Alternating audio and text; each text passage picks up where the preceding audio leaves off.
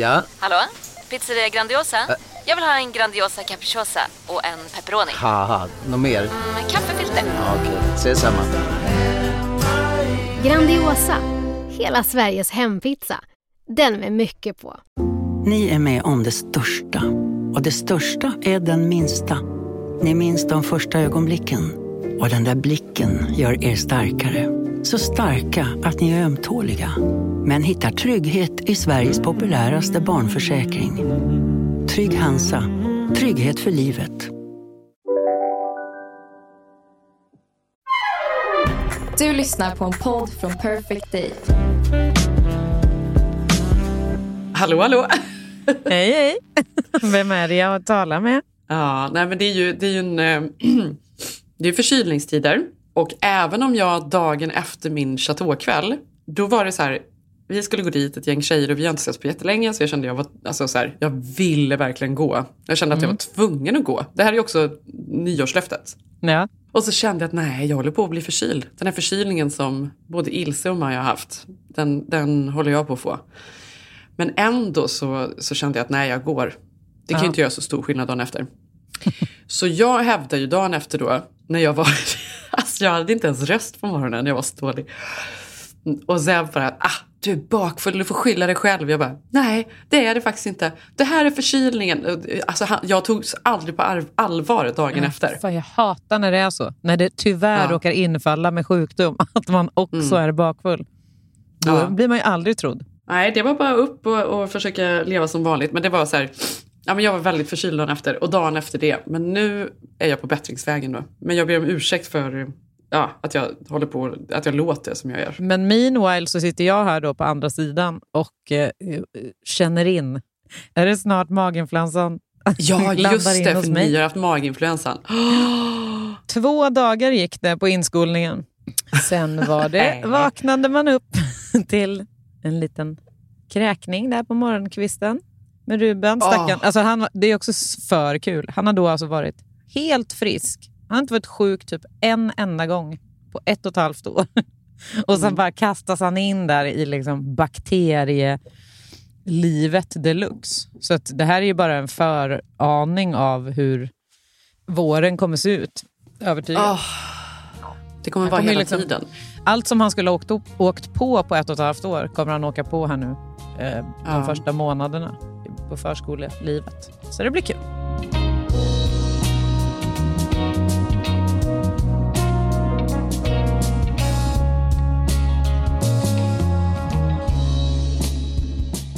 Men nu, åter, nu återgår vi till något roligare. Nu, pratar vi vidare om Chateau, för det vill jag ju höra allt om. Det var ju fett länge sedan man hörde om en middag på Chateau.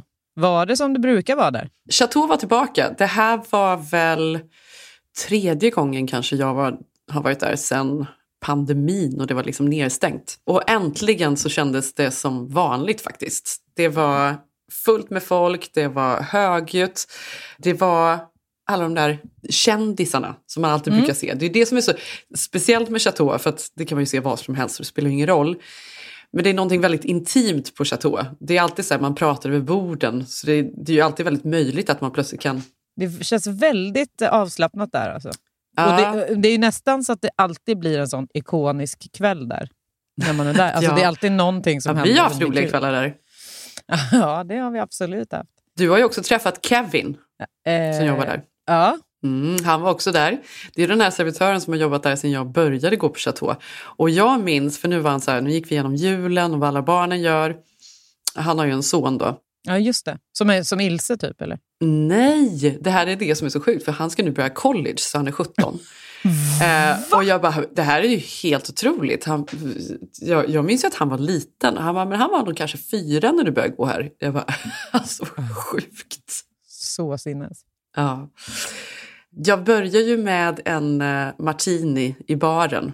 Och precis när jag fick in min drink så satt ju sig Steven Dorff där. Det var ju lite lustigt. Mm, verkligen. Inte för att man ens kan, jag kan inte säga en enda film eller någonting som han har varit med i egentligen, utom att han spelar huvudrollen i filmen Somewhere som var Sofia Coppolas väldigt dåliga film om den här deprimerade mannen som bor på Chateau.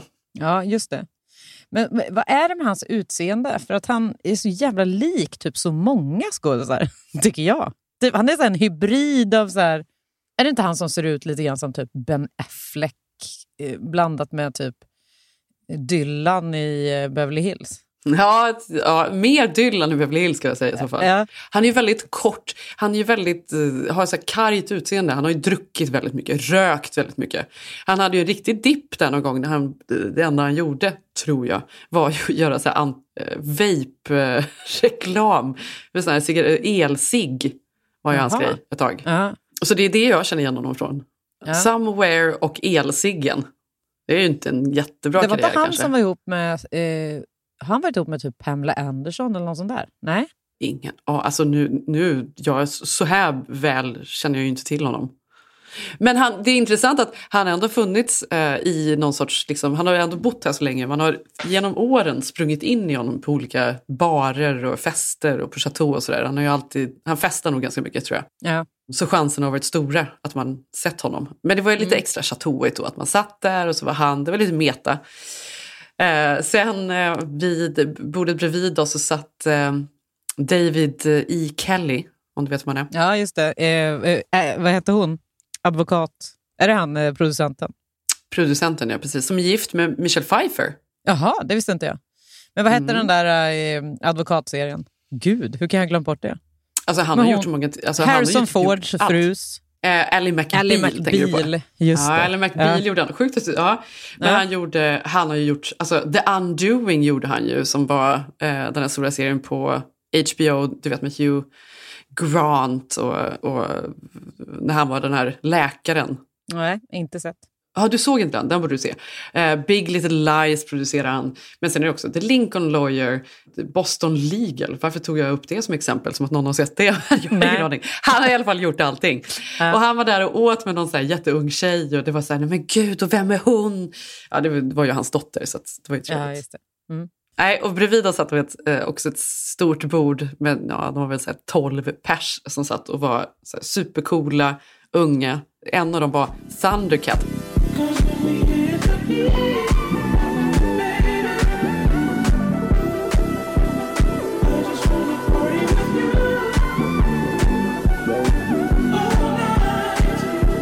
Enda anledningen till att jag vet det här, för jag har ju inte sån koll på Thundercat, även om jag vet hans musik och så här, och lyssnat på honom, var för att han tydligen har varit ja, på någon fest med eh, Sirpa som också var med. Ja, hur som helst, det blev... Ja. så de eh, satt ju och inte pratade han- till mig i och för sig. Han är väl känd för att han eh, gillar typ, inte manga, men liksom, vad heter det? Så här, anime, eller vad heter det?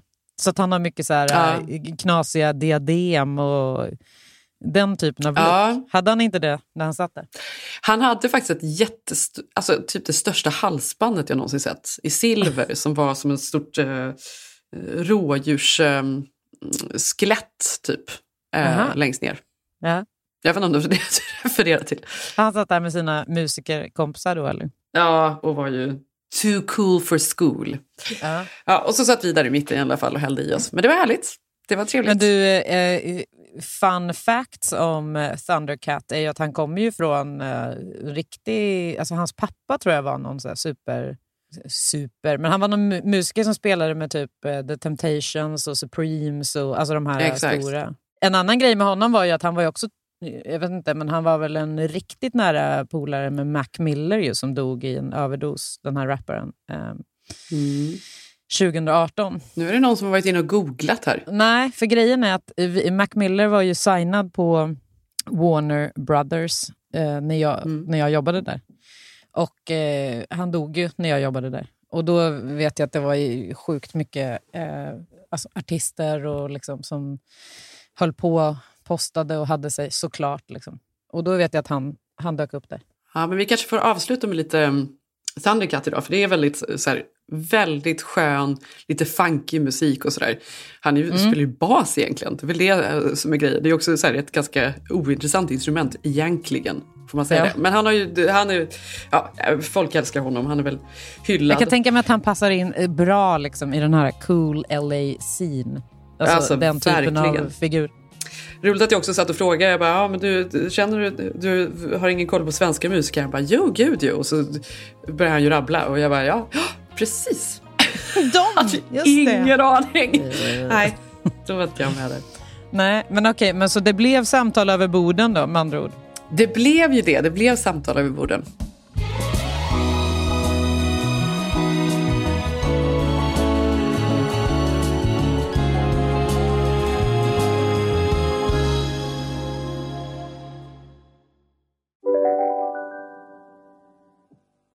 Lyssna på en ekonomistats podcast om du vill lära dig mer om döden, livet, kärlek, sex och hur allt hänger ihop med pengar på något sätt. Med mig Pingis. Och med mig Hanna. I samarbete med Nordax Bank. Dåliga vibrationer är att skära av sig tummen i köket. Ja! Bra vibrationer är att du har en tumme till och kan scrolla vidare. Få bra vibrationer med Vimla. Mobiloperatören med Sveriges nöjdaste kunder enligt SKI. Just nu till alla hemmafixare som gillar julast låga priser. En slangvinda från Gardena på 20 meter för vattentäta 499 kronor. Inget kan stoppa dig nu.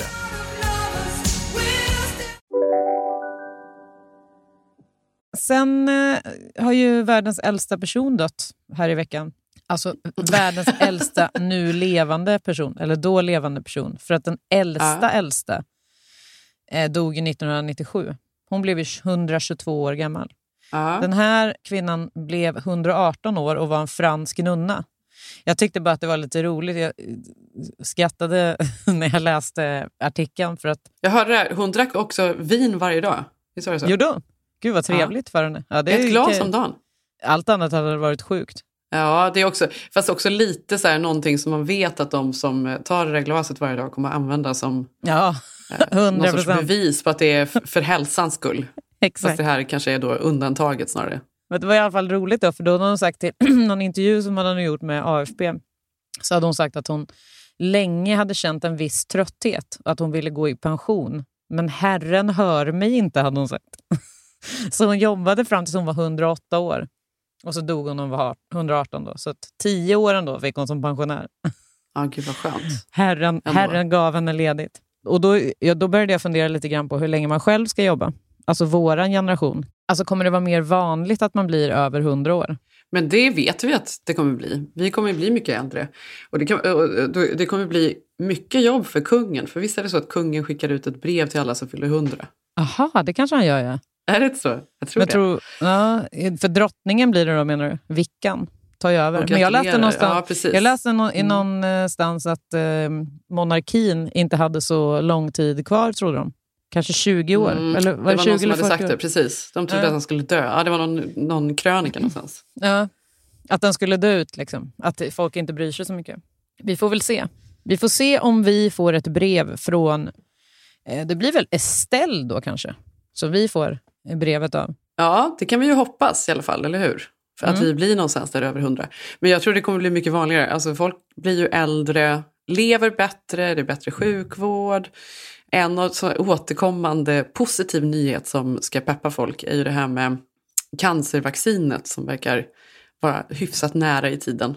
Aha, vad är det det? för något? Nej. Ja, men det är väl att man har hittat eh, ett vaccin för cancer som botar cancer. Just nu tror jag man testar det på människor och de tror att det kan finnas på marknaden inom ett par år. Oj. Så jag vet inte. Nej, men det blir nog mycket, det blir mycket för Estelle. Och hålla- eh, hålla koll på. pensionsåldern blir där 105 eller någonting. Ja. En annan grej för att hålla sig eh, levande länge är ju att hålla sig i eh, toppform. Fysisk toppform. Alltså.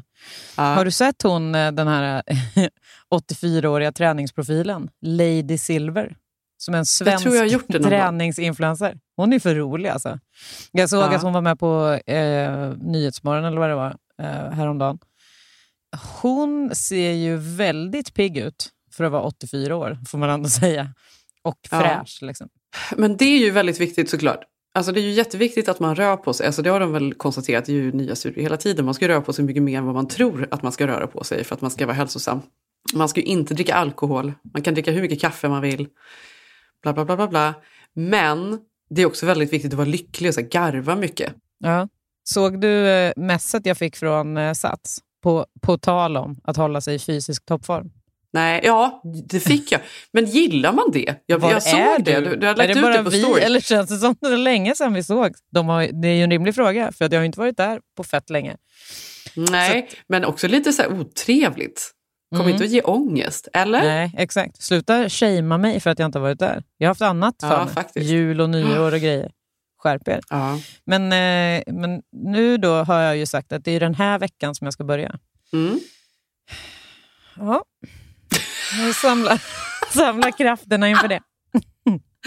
ja, det är bra. Du är ju i bra, du är ju liksom igång, så att, eh, du, du lever ju redan på endorfinerna där av måndagsträningen. Ja, men jag är nog lite igång. Jag är på, jag är på väg. Jag tränade ju i morse faktiskt. Men vet du, jag har, jag har faktiskt... Jag, jag, jag tror att det här är en process. Att komma in i rutinerna och eh, träna igen och liksom gå till gymmet. För jag har ju bara tränat hemma och det, ja, det har vi pratat om, det har varit liksom kaos. Eh, men att komma in i rutinerna och stressa ner och ha mer struktur.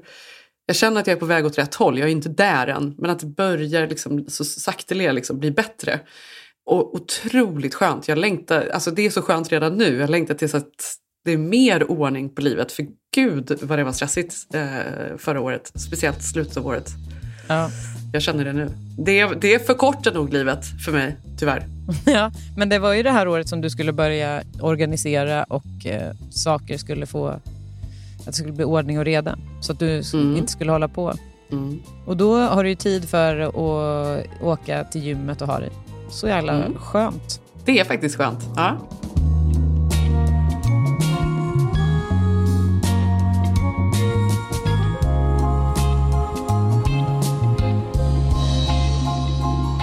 Men du, på tal om romantik och så vidare. Så alltså, läste du några så romantiska noveller eller böcker när du var yngre? Alltså, det här är så jobbigt. Du vet ju att jag har namnafasi. Ja. Alltså, du kommer inte om det- ihåg, men du alltså, Om gjorde det är det. någonting jag inte kommer ihåg så är det böcker och filmer. Ja. Alltså, jag kommer inte ihåg vad en enda film heter som jag, het, som jag tittar på. Om, såvida jag inte tittat på den typ 150 gånger. Detsamma gäller Ja. ju ty, de, dessutom böcker. Då. Jag kommer ihåg en bo, alltså Jag hade en kompis, en barndomskompis som var värsta bokmalen. Alltså hon läste så mycket Mm. hela tiden. Jag var inte en sån person. Och Mm. Hon läste ju så här, eh, ganska eh, mature books för vår ålder. Mm. Alltså så här. Och då, då, då- då minns jag att det fanns en bok, eller en, eh, en serie som hette, jag tror att det var första boken som hette Grottbjörnens folk. Ja, just det. Den var jättepopulär. Ja. Ja, den var ju lite så här, det var väl lite grovt, var det lite grov skildring av sexscener och så vidare kan jag tänka mig att det var i den, eller?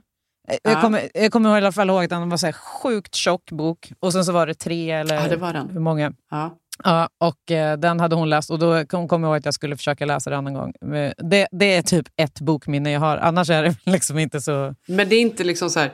För det, det är inte så här... Det är inte, det, skickligt är det ju inte. Jag menar, för jag var nog den där bokmalen. Jag läste också väldigt mycket böcker och böcker som var för äldre. Jag, var jag så här nio år när jag läste inte utav min dotter? Det är helt sjukt. Oj! Ja. Jag fattar väl ingenting vad den handlar om. Eh, jag ville läsa tjocka böcker för jag ville att, tyckte det var kul. Liksom. Ja. Men jag läste också mycket Sidney Sheldon. Ah, Det gud. alltså så här- det, är- det namnet känner jag. Det känns som att det var så poppis eh, författare. Ja, han var ju väldigt, han var väldigt poppis. Och det var ju riktigt så här sleazy, romantiska, eh, swept eh, off her feet historier. Och, ja, jag tyckte väldigt mycket om dem. De läste jag. Sen växte Ja. jag ju ur det här. Så det Mm. var ju bara en, en, en period. Men det var väl liksom någon... Alltså det är så här he- het och lättläst, ångestfritt. eh, Det är väl det. Det är ju verkligen en, en liten verklighetsflykt tror jag. Det är väl där- därför Mm. folk läser det. Alltså 50 shades of Grey är också en sån egentligen. Ja, ja, den har jag ju såklart inte läst. För jag får ju också, det finns ju ingenting som gör mig så trött som böcker. Och den enda tiden man har att läsa en bok är ju precis när Ja. man ska gå och lägga sig. Och då eh, blir det naturligt då att det går natt efter 30 sekunder. Ja, och där vet vi ju att du inte har några problem heller att. Nej, så precis. att det- Så jag för dig behöver, är aldrig liksom plo- jag behöver inte ens plocka upp För en boken. annan är det perfekt då innan man, om man nu har lite problem att varva ner, att faktiskt läsa lite. Jag Ja. läste ju också 50 shades of Grey ska sägas, det säger jag lite motvilligt men det gjorde jag. Ja. Eh, gjorde också intervjuer för den filmen. Men läste du den ur ett research-syfte eller läste du den för att du faktiskt kände att du var sugen på att läsa den? Nej, jag läste, först, jag läste ju första boken för att alla läste den och jag ville veta Mm. vad alla pratade om för det var ju så stort. Det var ju den här historien om den kvinnan som hade skrivit den, jag vet inte om du minns. Alla undrade hur hon såg ut och hon och hennes man, vad hade, levde de för liv? För det var ju någon som bodde liksom ute på eh, engelska landsbygden typ. Alltså en liten tant som satt hemma och skrev ihop den här boken. Och En tant luring. En liten där och tant luring var det. Skrev Ja, sina fantasi- fantasier. Ja, och, eh, så den läste jag. Sen läste jag ju inte någon mer. Men däremot så var det en uppföljning till första filmen och den gjorde jag intervjuer med. Så då träffade jag Dakota Johnson och eh, vad han nu heter, Hetingen. Ja, just det. Men det som är intressant då, på tal om denna Tante Luring, Mm. eh, det är att det finns alltså, det är väldigt många människor som älskar sådana här böcker. Det finns en sån fanbase. Eh, så mycket så att det faktiskt finns ett litet speciellt online-community som heter Romancelandia. Fan. Det här är så bisarrt, Johanna. Känns som att folk är kåta där inne, eller? Ja, det är uttråkade antagligen. Alltså det, det är nog väldigt mycket så här uttråkade kvinnor. Eller det hade ingenting med henne, alltså den här typen av bok att göra, 50 shades of Grey, utan det var mer, eller var det den typen av eh, litteratur, så att säga? Men alltså, ja, det är lite den typen av litteratur, men alltså inte att de bara är liksom kåta. För det är inte bara sådana... Eh, det är väl lite att det är lite kittlande, det är romantik, det är en verklighetsflykt helt enkelt. Eh, ja, men om E.L. James då, som hon heter, hon som skrev 50 shades of Grey, om hon hade varit med i eh, det här communityt, då hade hon ju varit, alltså hon hade varit the queen. För vad det är är att det är väldigt många som sitter hemma, alltså det är väl både kvinnor och män såklart, men det kanske är fler kvinnor för, för mig, som alltså de plöjer igenom precis allting som finns. Alltså så mycket så att det finns inte ens böcker för dem att läsa och då skriver de egna böcker och tipsar varandra. Och I det här lilla communityt, eller litet, det är ju ganska stort egentligen, så blir det också en subkultur där det är den eh, Romance Landias E.L. James, någon som är superduktig som blir liksom, får fans där inne och sen så hjälper de varandra och gör PR. En parallell värld. Ja, precis. Och folk blir, alltså de tillbringar hela dagar där inne och det, det, blir liksom en speciell persona man har där inne tydligen. Men vet vi att hon inte är där inne? Det vet vi inte. Hon kanske är där inne, eh, E.L. James, hon kanske är där inne och testar så här, nya små grejer på läsarna. Ja, precis. Ja. Som hon sen släpper upp i, i, liksom, i den vidare världen. Ja, fast samtidigt när jag liksom sammanfattar vad jag förstår av Romancelandia så tror jag att eh, det är, tröskeln är ganska låg. Aha, okay. Men jag vet inte, det, kanske, det, alltså det, det är ändå så här, ja, jag vet inte. Nej. Men det var en kvinna i alla fall som jag läste om i New York Times som nu har blivit polisanmäld och det här är så stora nyheter, det har skrivits om i hela världen, det blev en världsnyhet då.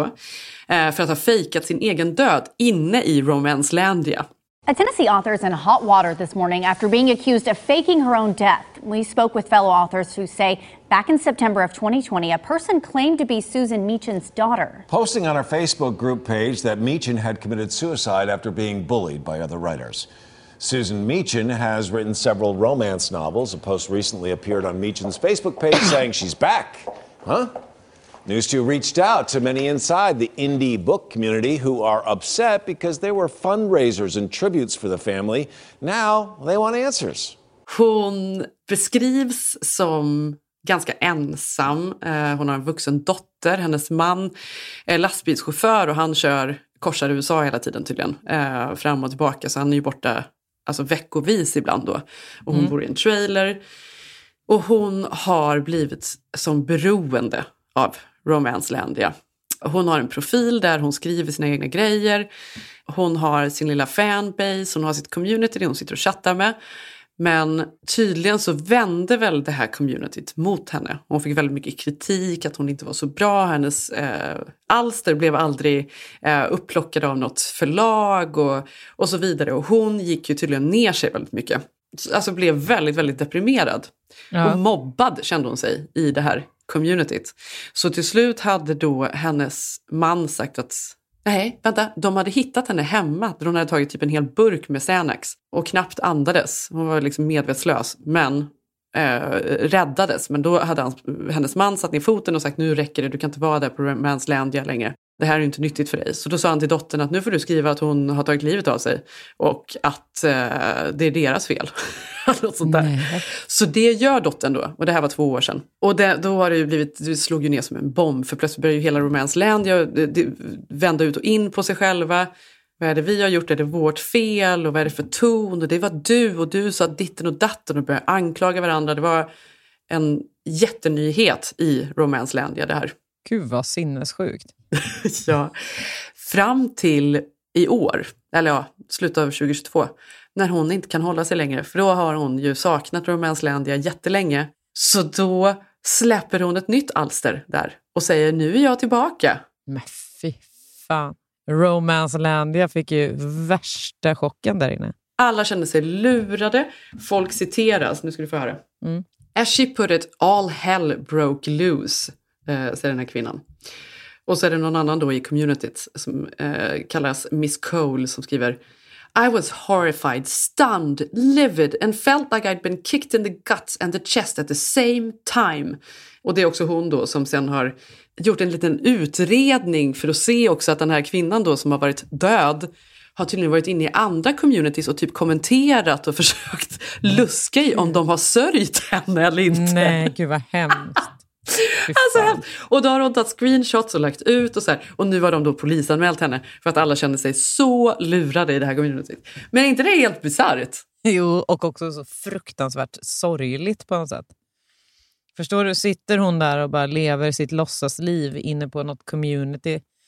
Hon lever det Ja. så mycket så att till slut blir hon så deprimerad så att hon liksom överdoserar på Xanax och hennes man måste säga åt henne att hon inte får vara där inne. Och så kan hon ändå inte hålla sig från att komma tillbaka. Nej. Vad trodde hon själv? Jag tycker det mest sorgliga är att hon är inne där då medan hon är död så att säga. Hon är inne där och ska luska och se eh, om folk tyckte om henne på riktigt eller inte. Nej, det är så jävla sorgligt. Ja, Men, det är det men det finns så många så subkulturer och intressanta så här communities och forum online.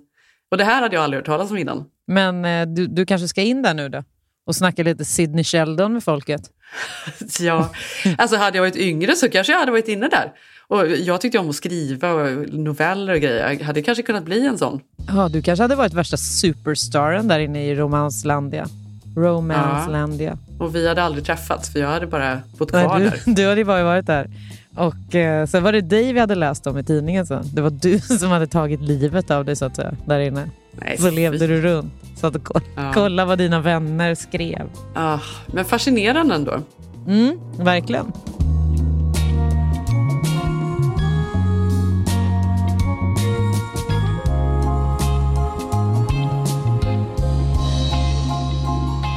På temat galenskap, fast det här är ju då i den riktiga världen, kan vi snabbt bara toucha på ämnet lögnmaskinen George Santos. ja. Han är ju för sjuk. Ja, han. Han hade, han hade ju lätt kunnat också vara i något, i någon liknande community. Alltså, det sjukaste av allt är att han håller ju nästan på, som hon gjorde, liksom, låtsas vara någon annan. Fast i the real world. Han är ju då, alltså, för de som inte vet, en amerikansk kongressledamot för Republikanerna. Det kan man väl säga va? Precis. Congressman-elect George Santos admitting that he lied about several key details in his experience and biography. In an interview with the New York Post, Santos confessed to what he called embellishing his resume, but insists he will serve in the next Congress. Santos confessed he had never worked directly for Goldman Sachs and Citigroup, chalking that fib up to a quote, poor choice of words. He also admitted that he never graduated from any college, despite previously claiming to have received a degree from Baruch back in 2010. Quote, I didn't graduate from any institution of higher learning. I'm embarrassed and sorry for having embellished my resume. I own up to that. We do stupid things in life. Santos was also accused of lying about his family history, saying on his campaign website that his mother was Jewish and his grandparents escaped the Nazis during World War II. I never claimed to be Jewish, Santos said. I am Catholic. Because I learned my maternal family had a Jewish background, I said I was Jew ish. Men eh, och något av det absolut sjukaste också är att han hade då en animal charity, alltså någon sorts välgörenhetsorganisation för husdjur. Men det har han ju inte då anmält någonstans utan det visar sig att han hade så här någon GoFundMe för någon hund. Men så tog alla de pengarna och la i egen ficka. Men alltså, jag känner bara så här, det, det, är så, det är så otroligt komiskt att han ändå är en kongressledamot. Liksom. Men också att han kan hålla på så. Nu är han ju obviously påkommen, men det finns ju människor som ljuger så att de tror sig själva och det finns ju så otroligt mycket människor som inte heller fakta, alltså som inte är speciellt källkritiska. Nej, han hade ju precis. liksom kunnat hålla på hur länge som helst. Nu blev det ju nästan too much för han ljög ju om, alltså han ljög ju om allt. Ja, men, vänta, men vänta, nu har jag den här. Den här är ju så rolig, den här hunden, alltså specifikt då. Då ska jag läsa här. Santos denies an alarming story from a Navy veteran, Richard Osthoff, who told a New Jersey outlet that he got in touch with Santos in 2016 for help financing surgery for his beloved dog Sapphire. Osthoff said that at the time he was living in a tent on the side of a highway and there was no way he could afford the stomach cancer treatment for his pitbull mix. Ja, det här var ju en hemlös människa som bodde i tält då. Som hade, liksom, det var väl hans enda kompis den här hunden då. A veterinary technician pointed him to Friends of Pets United. Santos, whom Osthoff knew as Anthony DeVolder, för han har ju också haft jättemånga olika namn då, allegedly helped him raise $3,000 through GoFundMe that summer.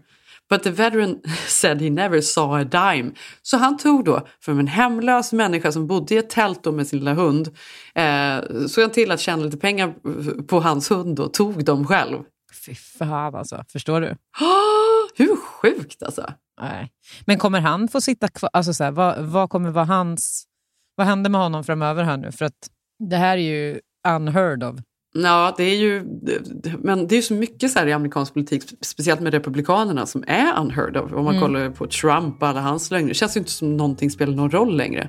Nej. Eh, nej, men han är invald och det verkar väl som att han ska, om inte han avgår själv, kommer sitta där i två år till. Men han kommer ju aldrig avgå själv. Det förstår ju vem Men som han kommer ju bli dömd för en massa saker, för det här är ju såklart, eh, han har ju svindlat folk. Det är ju Mm. helt sinnessjukt. Ja, det är verkligen helt sinnessjukt. Ja.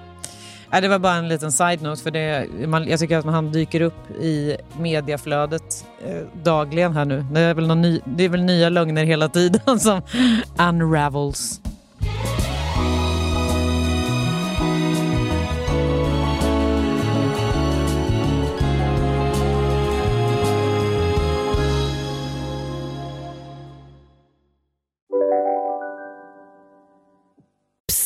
Känner du igen en riktigt smart deal när du hör den? Träolja från 90 kronor burken. Byggmax. Var smart. Handla billigt. Om en sous vide är på väg till dig för att du hörde en kollega prata om det och du råkade ljuga om att du också hade en och att den var så himla bra att maten blev så otroligt god och innan du visste ordet av hade du bjudit hem kollegan på middag nästa helg för att du sålt in din lågtempererade stek så bra att du var tvungen att beställa en på nätet fort som attan. Och ja! Då finns det i alla fall flera smarta sätt att beställa hem din sous på. Som till våra paketboxar, placerade på en plats nära dig och tillgängliga dygnet runt. Hälsningar Postnord. Välkommen till Unionen. Hej! Eh, jo, jag ska ha lönesamtal och undrar om potten. Ja, om jag kan räkna med övertidsersättning för det är så stressigt på kontoret jag jobbar hemma på kvällarna så kan jag då be om större skärm från chefen för annars kanske jag säger upp mig själv. Och hur lång uppsägningstid har jag då? Okej, eh, vi börjar med lön. Jobbigt på jobbet. Som medlem i Unionen kan du alltid prata med våra rådgivare. Du, något annat som jag tycker är helt otroligt som jag har läst om då, om vi nu ska prata om alla grejer vi har läst om den här veckan, Mm. det är den röda tråden. Ja. Och som jag följer, som jag tycker är intressant, det är ju AI, alltså artificial intelligence och hur Mm. otroligt eh, sofistikerat det har blivit. Alltså det har ju kommit sådana genombrott nu. Bland annat så kan man ju, alltså jag det här är ju någonting som jag tror Zev är mycket bättre på att se än, än vad jag är. För att jag kan ju, jaha okej. Jag förstår Mm. liksom inte, jag, måste, jag var var tvungen att sätta mig in i varför det är otroligt. Ja. Eh, men det är ju att den, till exempel då, man kan ju generera bilder av saker som inte finns. Alltså man Mm. ger den instruktioner för en bild. Alltså, Mm. Det kan ju vara då att en norsk eh, kvinna som är ja, 49 år gammal eh, sitter ensam i ett fönster, dricker kaffe, tittar ut över ett hav. Klockan är tre på eftermiddagen i december. Det står en björk där. Eh, som har, alltså, du vet, man kan ge hur många beskrivningar som helst, hur mycket detaljer som helst. Och den tillverkar den här bilden, inte på det sättet att den klipper in ett hav, ett fönster, en kvinna som redan finns, utan den skapar bilderna själv. Mm. Så, alltså, det är ju jättefascinerande men också så jävla läskigt. Typ. Ja, det är det ju. Jag är ju Och livrädd för väl- AI. Nej, men jag vet, och det är väldigt, väldigt bra bilder ska jag säga. Mm. Ehm, den kan ju göra, man kan ju säga att det är en film, jag såg någon annan artikel, då var det någon som hade eh, skapat en eh, eh, science fiction-film från 70-talet med, ja det var ju bara hela scener den hade byggt upp, som var du vet så spot on skådisar som aldrig finns, alltså de här människorna finns inte men de ser ju helt perfekta ut. Ja. i en scenografi som ser helt otrolig ut. Som bara skapas, ja det är väldigt fascinerande helt enkelt. Ja, det är väldigt fascinerande hur man kan utveckla den tekniken. Alltså hur går det till? Jag kan nästan bli eh, kokobello när jag börjar tänka på sådana saker. Jag, ty- jag har Mm. svårt att ta in eh, typ 3D-printers. Ja, jag har svårt att ta in. Jag tycker det är helt sjukt att man kan 3D-printa typ allt. Ja, ja men det, det är mindboggling. Och nu är det, så här, det är ju så otroligt omdebatterat för det är också så här att den kan ju göra allting mycket bättre. Typ. Säg att du vill ha en tavla på väggen så vill du kanske ha den i en stil som Jackson Pollock. Och då kan den Mm. ju göra det för den vet vad stilen Jackson Pollock, alltså vad det är. Mm. Och då är det så pass lika. Eh, så att det är ju många konstnärer nu då som tycker att det, det blir plagiering och, och de vill ha pengar för olika saker. Det är många som är upprörda helt, helt enkelt. Gud vad spännande, för det blir en helt, det blir en helt annan... Alltså hela den här typ varumärkesskyddande... Alltså, förstår du? Det finns ju en helt annan värld också där man måste... Alltså, som AI kan klampa in på då så att säga. Ja, men det här kan man ju också då göra med texter och sådär. Och det här är fascinerande tycker jag. Det finns ju en tjänst som heter ChatGPT eh, som är som en AI-författare eh, som är Alltså den är faktiskt helt otrolig. Man kan säga till den att skriva vad som helst. Alltså poesi, ett kärleksbrev, en beskrivning och mycket mer komplicerat än så. Man kan ju be den skriva uppsatser, alltså ställa intressanta frågeställningar, teoreti teoretisera kring saker. Eh, och otroligt eh, väl skrivna texter kommer ut. Och det här har ju också då såklart blivit ett problem för nu måste man ju ändra undervisningen och flera universitet och colleges i USA där ehm, har man ju då börjat upptäcka att vissa elever kommer in med, du vet, det är kanske det bästa de någonsin läst. Alltså frågeställningarna är ju liksom på en helt ny nivå och då har de börjat undersöka och sen så nej, då är det ju ChatGPT och då har de ju bara skrivit in då, ah, Sokrates någonting och frågeställningar kring det och sen så kommer allting bara perfekt skrivet ut. Så nu då måste de istället börja med eh, att man skriver första utkastet under lektionstid istället för att skriva uppsatserna hemma. De ber dem eh, ha en personlig touch då som kanske inte går att generera online. Som handlar om ens mm, privatliv och sådär. Så att det verkligen stämmer. Eh, eller att man skriver dem för hand plötsligt istället för att skriva på datorer. Det har blivit en utmaning helt enkelt för alla att faktiskt undvika dessa chat-GPT. Alltså det är så fascinerande. Men är det jag, ska, jag testa att eh, blåsa in på Romanslandia med en sån Du, text? exakt, du fattar ju. Du Ja. hade ju, det hade ju Jag blivit, de jag hade hade ju blivit megakändis kysst där dina fötter. Ja, Ja. det hade du verkligen. Ja. Gud, vad Men, eh, ja, men det är ju väldigt roligt, alltså, på riktigt. Det är kul och man kan ju liksom skriva... Jag var ju tvungen att gå in och prova nu då bara för det här. Mm. Ja, låt, mig, låt mig gå in och prova. Eh, låt mig gå in och prova här. Mm. Write a story about a Swedish woman named Johanna that gets locked in the bathroom at Sturehov when Orup saves her. And then shaves off his eyebrows. Jag måste ha en twist. Ja. Ska vi se. Once upon a time, there was a Swedish woman named Johanna who was out for a night on the town in Stockholm. She decided to visit the famous Sturehov restaurant, known for its delicious seafood and lively atmosphere. Det här är ändå troligt. bara där. Gud, det är obehagligt. As she was finishing her meal, she decided to use the bathroom. But as she was washing her hands, the door suddenly locked behind her, trapping her inside. Johanna panicked and started banging on the door, but no one seemed to hear her.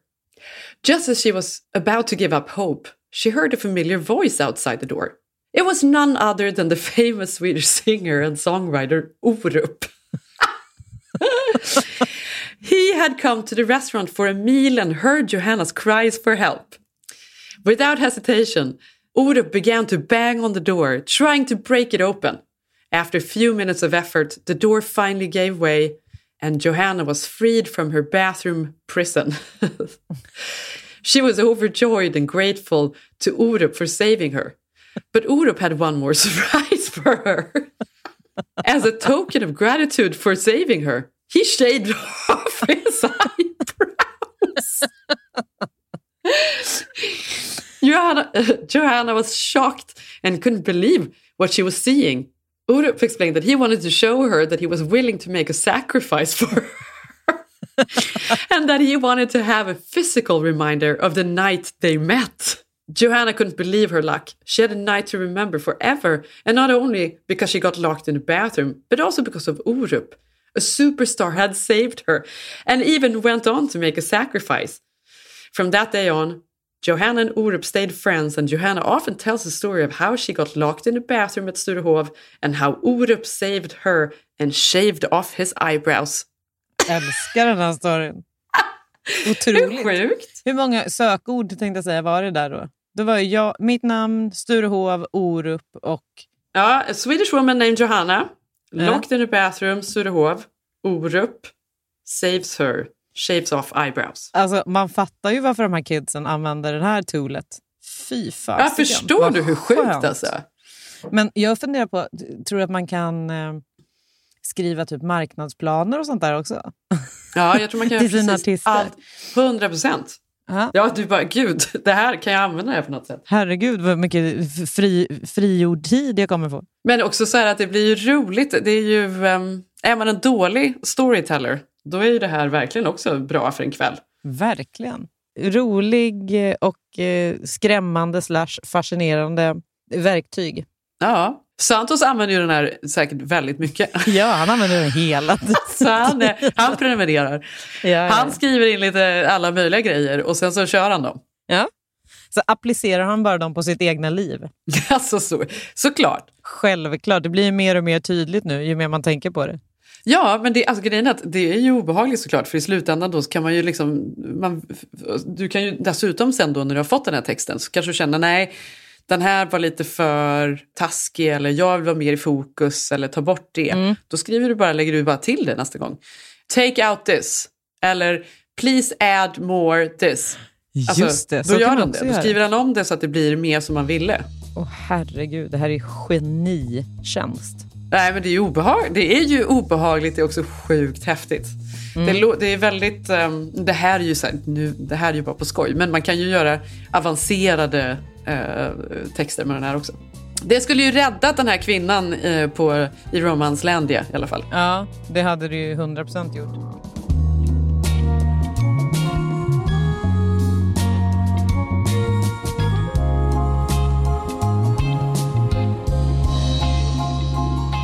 Vad händer i veckan? Jag ska ut och äta middag en kväll med en kompis på onsdag kväll och sen har vi någon liten parmiddag i veckan också. Det är väl det. Alltså utöver då jobb och stress som vanligt. Men herregud. 2023 börjar ju 100% i det Ja. sociala. Men vad var det ditt horoskop sa? Var det att du skulle vara social i början av året? Ja, och sen dör det nog, för jag orkar inte längre. Men du kommer att eh, spy? Nej, jag hoppas ju verkligen inte det. Jag eh, är ju, började ju jobba idag kan man säga.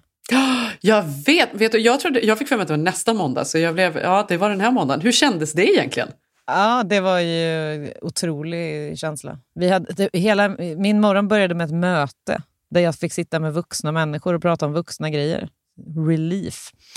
Eh, Ja. Och sen har vi byggt om på kontoret så att det är jättefint där nu. Eh, Mm. Så flyttade jag in mina grejer i mitt nya härliga rum. Och sen eh, var ju tyvärr förskolan stängd idag då, så att jag var tvungen att åka hem och byta av. Ja.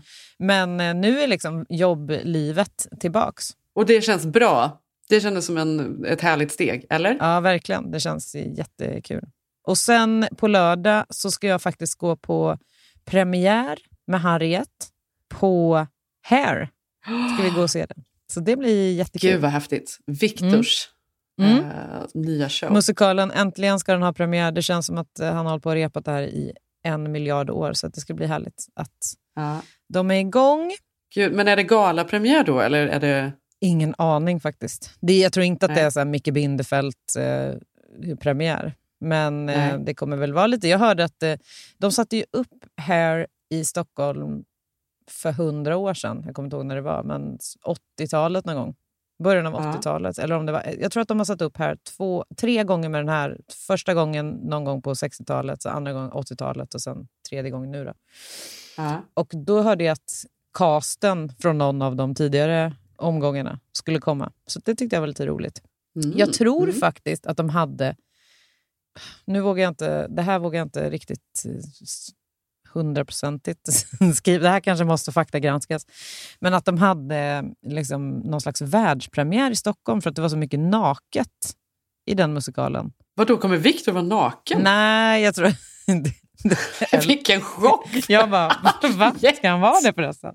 Nej, det här tror jag var liksom typ eh, kanske 80-talet eller någonting. Jag kommer inte ihåg. Jag minns inte. Det här kanske vi inte kan ha med, för det här kan vara något som jag helt plötsligt bara har kokat ihop i mitt... Ja, det är ju roligt ju. Eh. Men... Ja, det- ja, för det att jag, låter- tyckte att det, det, jag hörde på radion idag och då var det någon som frågade sig, men varför var inte världspremiären i... eh, Eller världspremiären kanske var i USA då, men så var det någon annan så här, stor premiär och då var det så här, varför var den inte i Paris eller London eller någon sån stad? Eh, Varför var den Ja. i Stockholm? Och då var det just för att det var så mycket naket i den... Alltså, det här är väl en annan... Det är ju en annan regissör obviously och så vidare eh, i den här nya versionen. Så eh, jag har inte hört om något naket, men who knows? Alltså, chocken när du sitter där. Aha, med öppen mun. Victor bara drar av sig byxorna plötsligt. Han och jag har inte ställt en enda fråga om repet, så eh, han har inte liksom behövt svara på det. Ah, gud vad roligt. Det hade ju ändå varit en, en liten, en liten twist. Och sen Ja. rakar han av sig ögonbrynen. Ja. ja.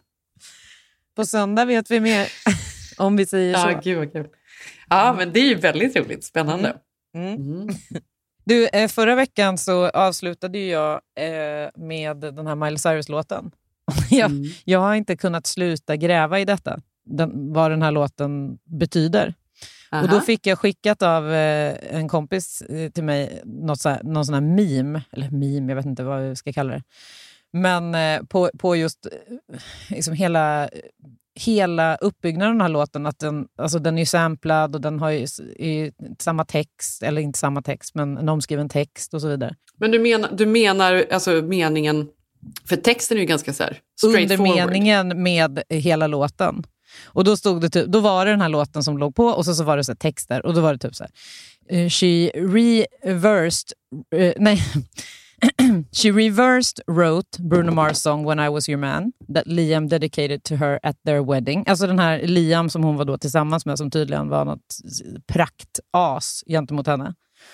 Och sen eh, musikvideon då filmade hon in i huset eh, som han hyrde och där han bedrog henne med 14 olika brudar. Det är liksom videon inspelad där. Uh, she wore the suit in her music video that Liam was wearing on camera when he told her to behave. Ja, för den såg jag. Den memen såg jag häromdagen. Ja, på röda mattan. Mm. Ja. Och sen uh, she released this song on Liams birthday. Och då kände jag bara så här, fy fan vilken jävla role model alltså, för unga tjejer att uh, hämnd, ett, en snygg hämnd. Men det är en snygg hem, men det är ju det man gillar med henne, att hon står upp för sig själv och liksom Ja. är lite fuck you. På ett sätt kanske, jag vet inte, det är ju Taylor Swift också, fast man känner ju att hon är mer genuin kanske. Men är detta också någon sorts trend då? För Shakira, hon släppte ju också en singel där, där hon eh, outar eh, sitt ex som också var otrogen. Jag vet, liksom, jag vet inte själva storyn runt det här, men det känns som att det kom som en liten chock för henne typ nästan. Alltså, ja, jag tror det. Jag vet faktiskt inte hur det kom fram, men hon hittar väl honom på något sätt då, Gerard Piqué, du- Mm. eller Piqué, eh, fotbollsspelaren, med någon yngre tjej. Och hon sjunger väl då att du bytte en eh, Lamborghini till en Fiat, eller jag, nu vet jag inte exakt vilka bilmärken det är. Eh, och du bytte eh, en Rolex eh, till en, eh, ja men jag vet inte, G-Shock. Ja, typ. Och då har han då svarat på hennes låt i veckan genom att han har kört runt i typ en Fiat, eh, vilken bil det nu var. Eh, och eh, gått runt med en sån klocka på sig nu då. Gud. Och ska då vara vad- nöjd med sitt val. Fy fan. Ja, men det känns som att ja, men det kanske är en liten trend. Tre är en trend. Ja, kanske det. Nej, jag tyckte att den här låten då som jag eh, hade svårt för i början, den, lyfte, den lyfter för varje, för, för Ja, jag har lyssnat jättemycket. Jag och Ilse har lyssnat jättemycket på den. Den, Så den bra. tycker vi väldigt mycket om. Ja, men du, eh, och du vill avsluta här då med eh, en Thundercat-låt. Ja men det ska vi väl göra, det tycker jag vi gör. Det är ju så här, som sagt, det här är ju inte samma, det är, här är ju inte Flowers så att säga, det är inte samma hitlåt men det är faktiskt väldigt så här, härlig musik att lyssna på. Men det bästa med oss tycker jag är att vi eh, har så bred variation av eh, musiksmak. Så att vi älskar Ja. nästan allt. Faktiskt. Eh, funny thing får ni lyssna på helt enkelt. Och vi hörs nästa vecka. Jag heter Jenny Ham på Instagram, vi heter Keeping Up eh, Jenny och Anna. Och jag heter Johanna Noran understreck. Följ oss där. Och glöm inte att tipsa en kompis. Nej, om oss. In i, in i värmen, alla. I, ja, exakt. Kom, kom in i vår poddvärme. Och tack för att ni lyssnar. Vi älskar er. Eh, vi hörs nästa vecka. Puss puss. Puss puss.